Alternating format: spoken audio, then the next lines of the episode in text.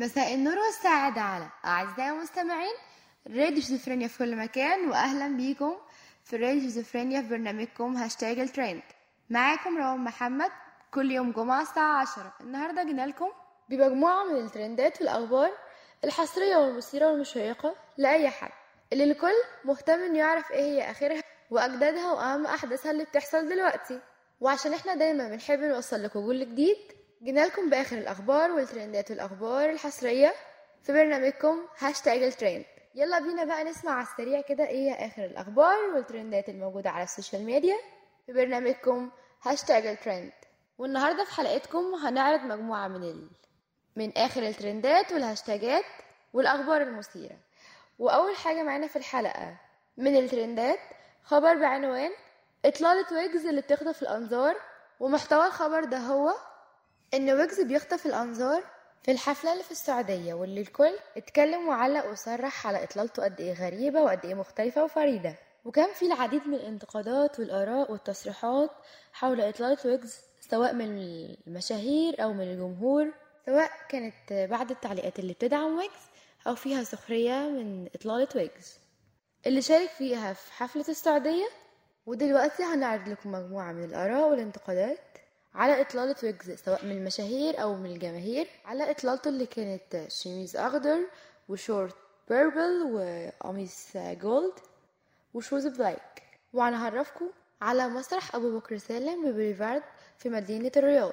اللي شارك في فعاليتها بمجموعة من الأغاني الراب اللي بتخطف قلب الجماهير وإطلالاته اللي دايما متعودين عليها بشكل فريد.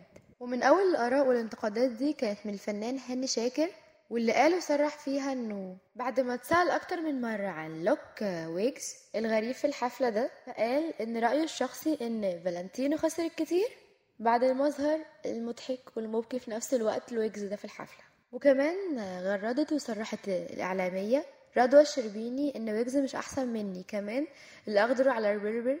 موضة بقى. ونشرت كل صورها دي وغردت بيها على حسابها على الإنستجرام. وهي منسقة نفس الألوان في style لبسها الموف والأخضر وكمان من بعض آراء الجمهور والانتقادات والتصريحات اللي علقوا بيها على ال social media إن الفنان ويجز فكروا بمسرحية المتزوجون للفنان سمير غانم. لما قال في المسرحية لما جيت ألم بنطلون الجاكيتة ضربت هم يضحك وهم يبكي وما زالت التصريحات والآراء تتداول حول إطلالة ويجز. فقال كمان بعض الناس إن هو دافع فلوس عشان يضحكنا عليه. ومن أحد برضو كومنتات الناس إنه قالوا الطقم كله على بعضه من الوكالة ما يكلفش غير 400 جنيه. بس سبحان الله أنتوا بس اللي بتحبوا الماركات الأجنبية والغالية. وقال كمان البعض إن إطلالة ويجز دي ممكن تجيب لهم شقق تعايشهم فيها بس هما مش لاقيينها. رد ويجز بقى على كل الكومنتات دي وقال إن هو اختار ال style بتاعه بعناية مع المصمم بتاعه فالنتينو. قال إن هو اختارهم بشكل بشكل مختلف ومريح ليه في الحفلة. وكمان قال فالنتينو إن تصميماته مش غريبة بس هي جريئة كمان شوية.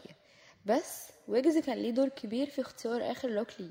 وقال فالنتينو إن هو في تصميماته بيعتمد على إظهار عناصر بس فيها جرأة أكتر. وقال كمان فالنتينو إن هو كان هدفه الأول إن يبرز شخصية ويجز في ال style الجريء ده وإن هو كمان ما يبرزهاش بس في الموسيقى إن هو كان حاول يبرزها في style ه المختلف في ال look. وقال فالنتينو اللي هو اختار ال look الجريء ده عشان يسيب بصمة في قلب الجمهور لويجز. وكمان الكل اتكلم عن قد إيه إطلالة ويجز كانت شبيهة لإطلالة هدى المفتي. الجاكيت كل كان بيقولوا إن هو أخذ منها الجاكيت إن هم عشان كانوا أصحاب في الفترة الأخيرة فده اللي فعلا الكل بيقولوا إن هو ممكن يكون حصل. لكن ما ننكرش إن كمان كان فيه اختلاف بسيط. كمان بقى خليكم معانا. لسه في ترندات وأخبار أكتر. وتاني ترند معانا النهارده هو غادة عادل بتتصدر الترند وعمرو أديب بيكشف مفاجآت عنها. محتوى الخبر ده هو 12 تعليقات وكومنتات كتير بعد عودة الفنانة غادة عادل لعصمة جوزها.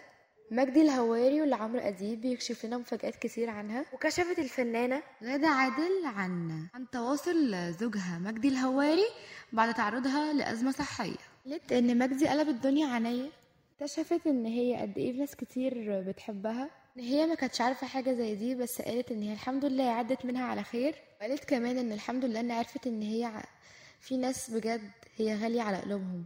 وأضافت الفنانة غادة عادل عبر مداخلة هاتفية في برنامج الحكاية مع عمرو أديب من لندن على قناة إم بي سي مصر. إنها هترجع مرة تانية عشان تكمل تصوير مسلسلها. إنها كانت هترجع في أقرب فرصة بس الدكتور قال لها إن إحنا لازم نعمل تحاليل عشان نطمن بس وقالت إن هي هترجع في أقرب فرصة.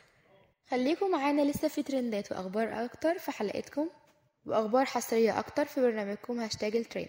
وتالت ترند أو خبر معانا في برنامجكم تصدر ترند عن خبر وفاة الفنان أحمد حلاوة وانتشار الشائعات حول الموضوع ويا ترى بجد إيه الحقيقة وإيه الصدق وإيه الكذب؟ عشان كده خليكم معانا هنعرف تفاصيل أكتر عن الموضوع ونعرف فين الحقيقة.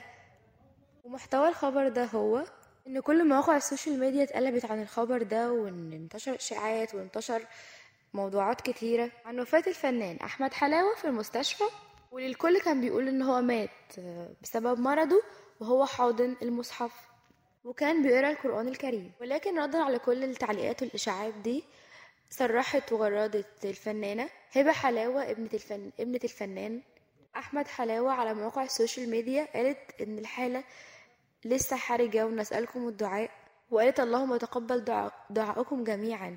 وده اللي بالجد عكس كل الإشاعات وقلب مواقع ال social media حول حياة الموضوع وعمل جدل وضجة حول الموضوع. ودي كانت نهاية ترند عفوا ترنداتنا وأخبارنا. وده كان موضوع حلقتنا عن الترندات. أتمنى تعجبكم حلقتكم. وأتمنى إنها تنال لو جزء بسيط من إعجابكم. وهنستناكم في الحلقات الجاية. لسه في ترندات وأخبار أكتر. كان معكم روان محمد في برنامجكم هاشتاج الترند. هنستناكم كل يوم جمعة الساعة عشرة على راديو شيزوفرينيا.